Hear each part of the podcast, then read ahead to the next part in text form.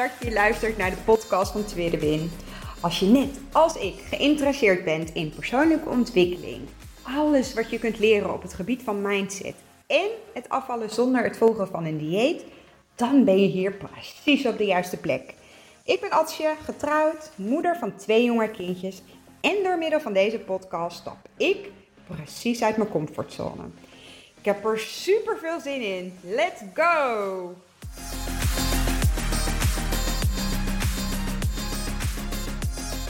Ja, superleuk dat je weer luistert naar een nieuwe podcast van Tweede Win. Het is vandaag maandag en het is opnieuw dag drie dat ik bezig ben met een enorme monsterklus.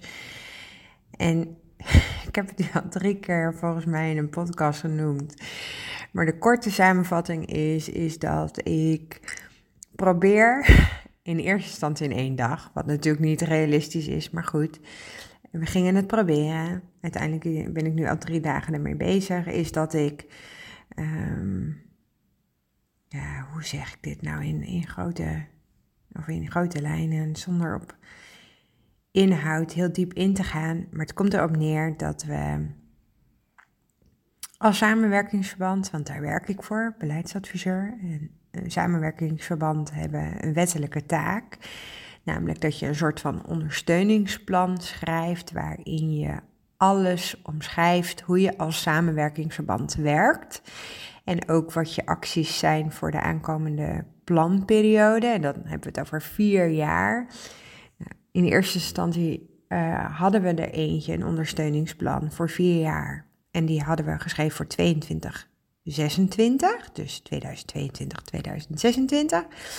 Alleen die was niet goed genoeg. Toen hebben we daar op basis, want je mag hem niet zomaar aanpassen, dat noemen we dan een addendum geschreven. En ik probeerde om nu een nieuw ondersteuningsplan te schrijven met alle stukken die we hebben moeten doen naar aanleiding van de onderwijs van de inspectie, die een herstelonderzoek heeft gedaan bij ons recent. En dat lukte dus niet in één dag. Dus nu heb ik samen met uh, mijn collega's bedacht, dan schrijf ik gewoon dat hele ondersteuningsplan opnieuw. En dan gaan we dus een hele nieuwe planperiode in van 2023, 2024, oh, sorry, 2023, 2027. Nou goed.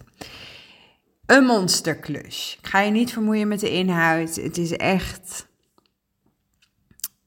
heel veel nadenkwerk, uitzoekwerk. En ik doe het vooral alleen. In die zin dat ik vorige week twee dagen er alleen aan gezeten heb. Uh, elke avond. Uh, de, uh, nou ja, wat, wat ik tot dan toe, zeg maar, af had, heb laten controleren aan mijn critical friends, om het zo maar te benoemen. elke keer wel feedback en input heb gekregen, dat weer meenam. En dit weekend hebben uh, andere mensen daarnaar gekeken. Hun laatste zeg je een, uh, plasje over gedaan, om het zo maar te zeggen. Wat ik helemaal niet negatief bedoel hoor, trouwens. Uh, en vandaag probeer ik daar één grote brei, dus weer een document van te maken. Ook meteen gekoppeld aan activiteiten die we moeten doen het aankomende jaar en het aankomende vier jaar. Maar goed, ik heb dus de hele dag vandaag zo'n stemmetje in mijn hoofd. Je moet harder werken. Je, hebt geen, je bent aan het uitstellen. Je bent niet goed genoeg. Straks komen ze erachter dat je toch niks kunt. Um, en aan de andere kant probeer ik dat dan mezelf weer tegen te spreken. Ach, als doe normaal. Uh, wees eens wat liever voor jezelf. Um, uh, laat ze het anders zelf doen. Nou, ik heb gewoon hele gesprekken in mijn hoofd. En ik dacht, ik ga hier gewoon een, een podcast over, um, aan, over wijden, uitweiden, hoe je het ook maar zeggen, aan besteden. Um, namelijk over angst. Angst dat je niet goed genoeg bent, angst dat je het niet goed genoeg doet, angst dat, je, um, dat het je toch niet gaat lukken. hè, als je begint met afvallen. En dan gaat het in het begin gaat het hartstikke goed. En dan eh, gebeurt er iets in het leven. En dan nou ja, kan je iets niet volhouden. En dan eh, krijg je weer zo'n stemmetje van: zie je wel, je kan het toch niet, zie je wel.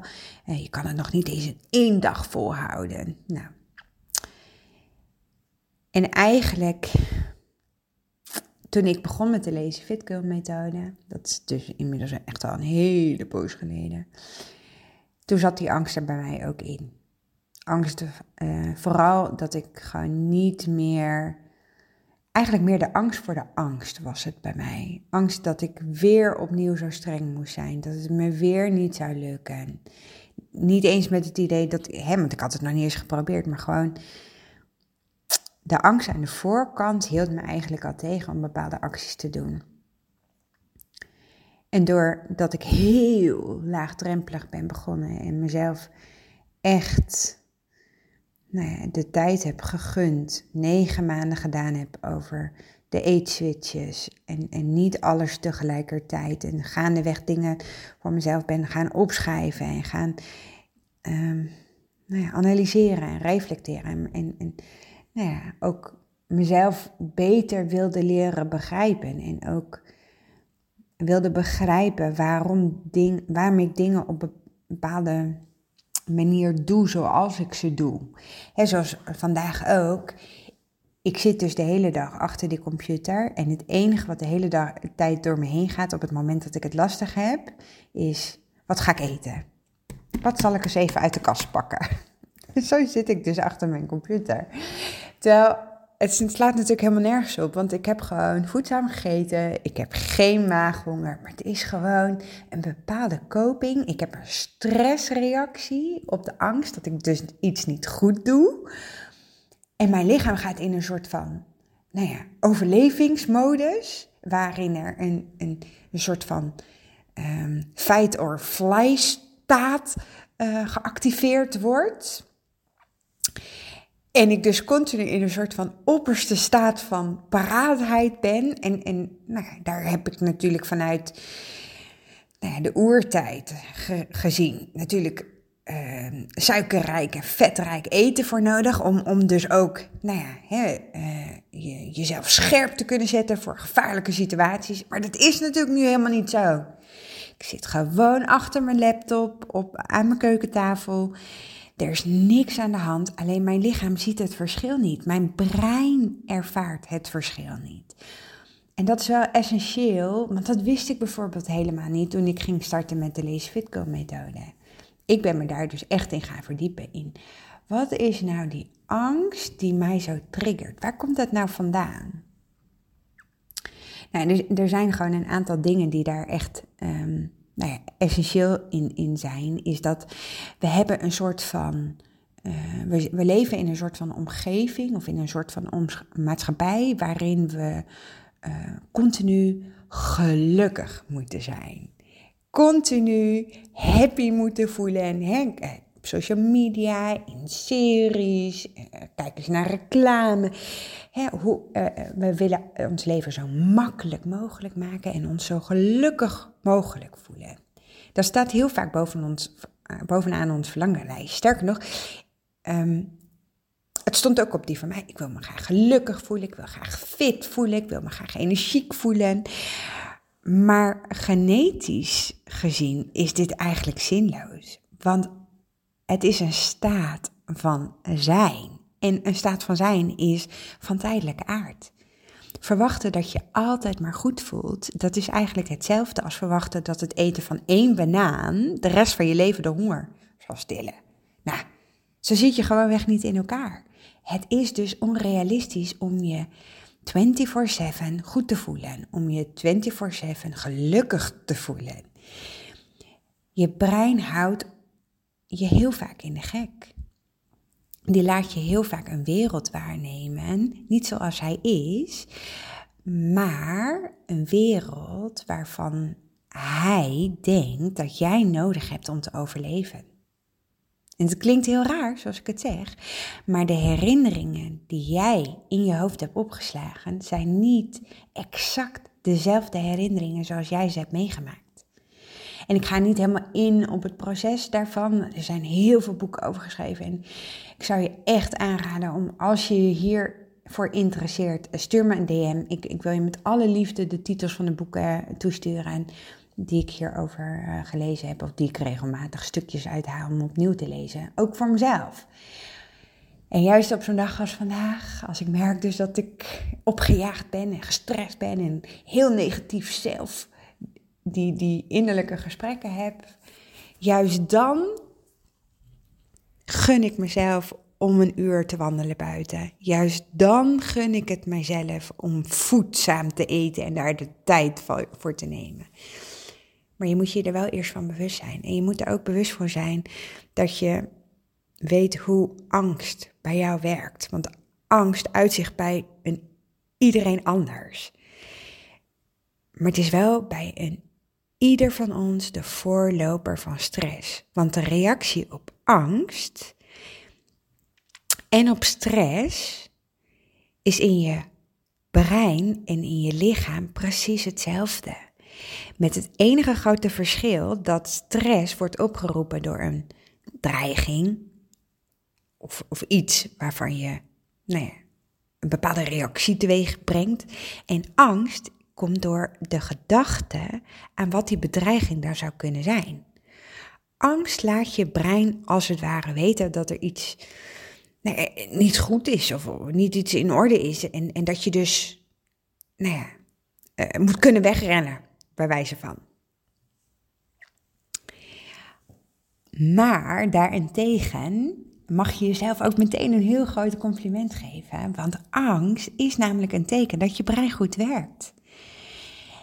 En als je oké bent met je angst, dan zal deze ook veel minder groot worden. Angst is iets heel gewoons. Angst is normaal. Sterker nog, het is dus een reactie.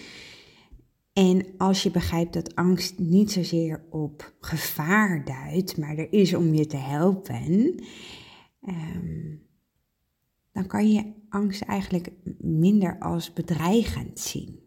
En hoe meer je te weten komt over je eigen angst, hoe meer je jezelf leert kennen, des te minder die angst ook nou ja, gevoed wordt. En het tegenovergestelde is ook zo dat op het moment dat je dus zicht krijgt op wat je nu uh, tegenhoudt of, of wat je, waar je bang voor bent, hoe aardiger je eigenlijk voor jezelf wordt. En dan bedoel ik niet angst in de zin van, hè, dat, uh, we denken heel vaak bij angst aan hele grote dingen, zoals uh, vliegangst of um, nou ja, mensen die pleinvrees hebben of uh, als je een angststoornis hebt. Maar ik heb het echt over de dingen die je eigenlijk jezelf dagen, in je dagelijkse leven belemmert om bepaalde dingen wel te gaan doen. En voor mij was dat, ik kom nu op dit onderwerp doordat ik dus merkte na dag drie dat ik echt mezelf zo ontzettend negatief aan het toespreken ben. En eigenlijk daardoor mezelf belemmer. Ehm, en dus de tijd neem voor waar ben ik nou eigenlijk bang voor? Nou, dat ik het niet goed genoeg doe.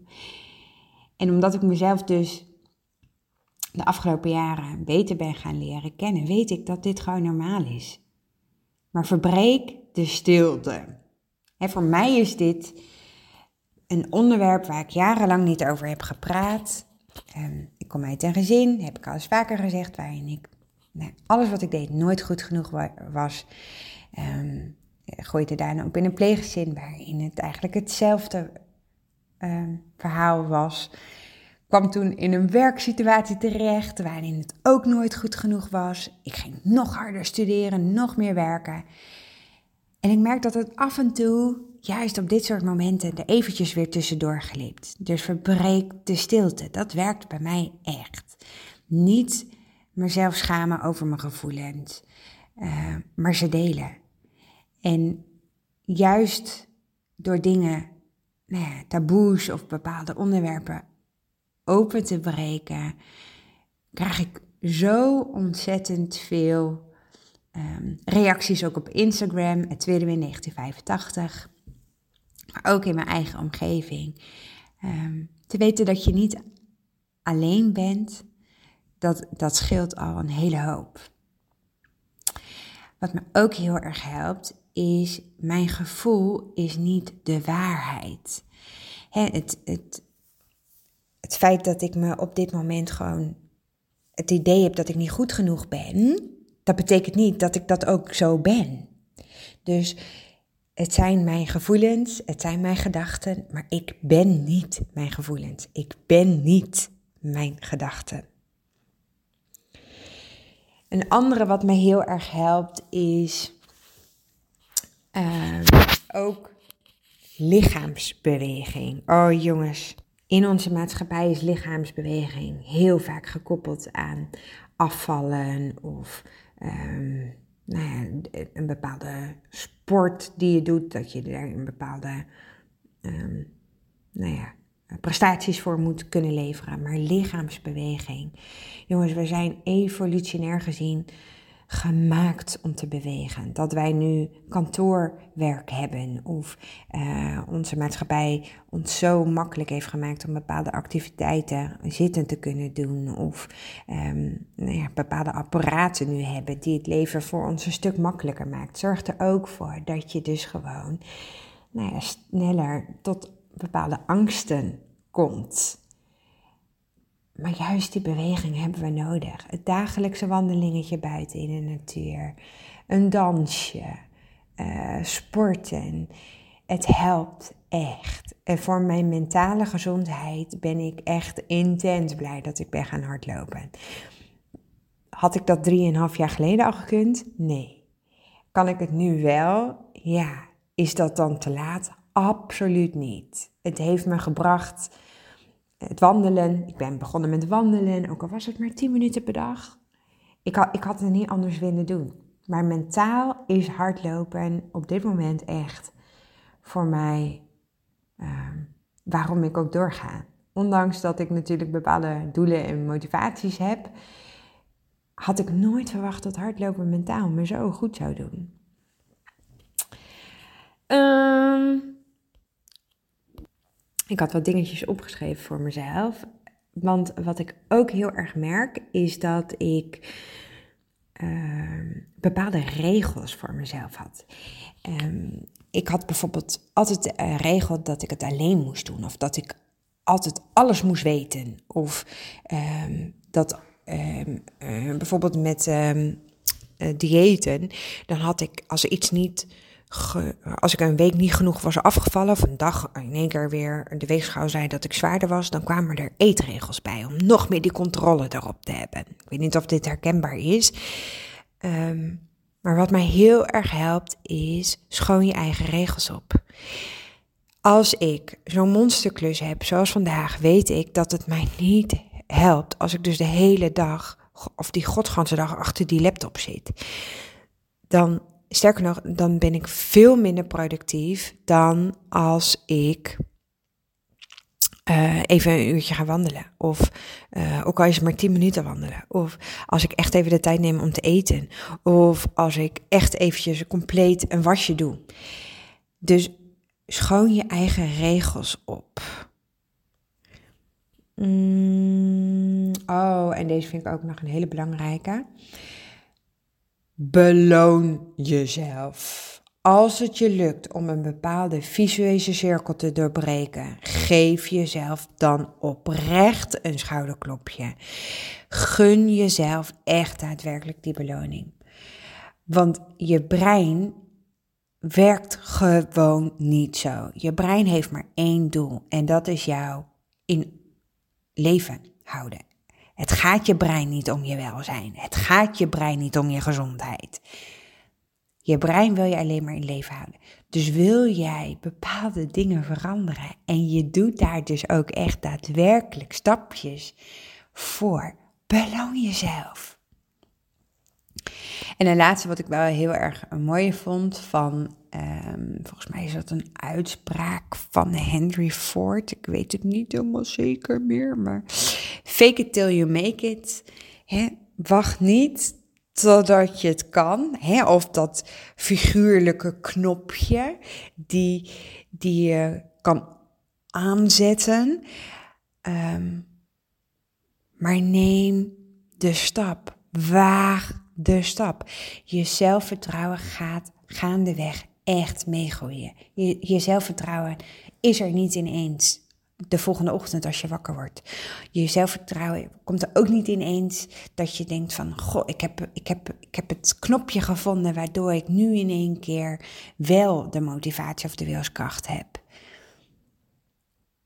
Fake it till you make it. Daarmee wil ik afsluiten. Dank voor het luisteren van vandaag weer. Ik hoop dat je iets aan deze aflevering hebt gehad. Laat het me vooral weten. Ik merk ook dat ik zelf een verandering uh, doorga met uh, de inhoud van mijn afleveringen qua podcasten. Ik weet niet of dit nog wel genoeg aansluit bij de ontwikkelingen waar jullie op dit moment um, mee bezig zijn. Laat het me vooral weten. Ook als je ergens nou ja, uh, in, in het veranderingsproces qua leefstijl bezig bent en je loopt ergens tegenaan en je zou zeggen, goh, wat zou je daar wat meer over kunnen vertellen? Laat het me weten. Stuur me vooral een berichtje op Instagram, het tweede 1985. In ieder geval, dank je wel weer voor het luisteren van vandaag. En ik spreek je snel weer. Doei doei! Super, super leuk dat je geluisterd hebt naar deze podcast. Mocht je hem nou interessant gevonden hebben, heb ik je mogen inspireren, laat het mij dan vooral weten. Tag mij op Instagram, stuur me een DM, want ik vind het gewoon super leuk om te zien wie er luistert. Mega, mega dankjewel voor vandaag en tot de volgende keer.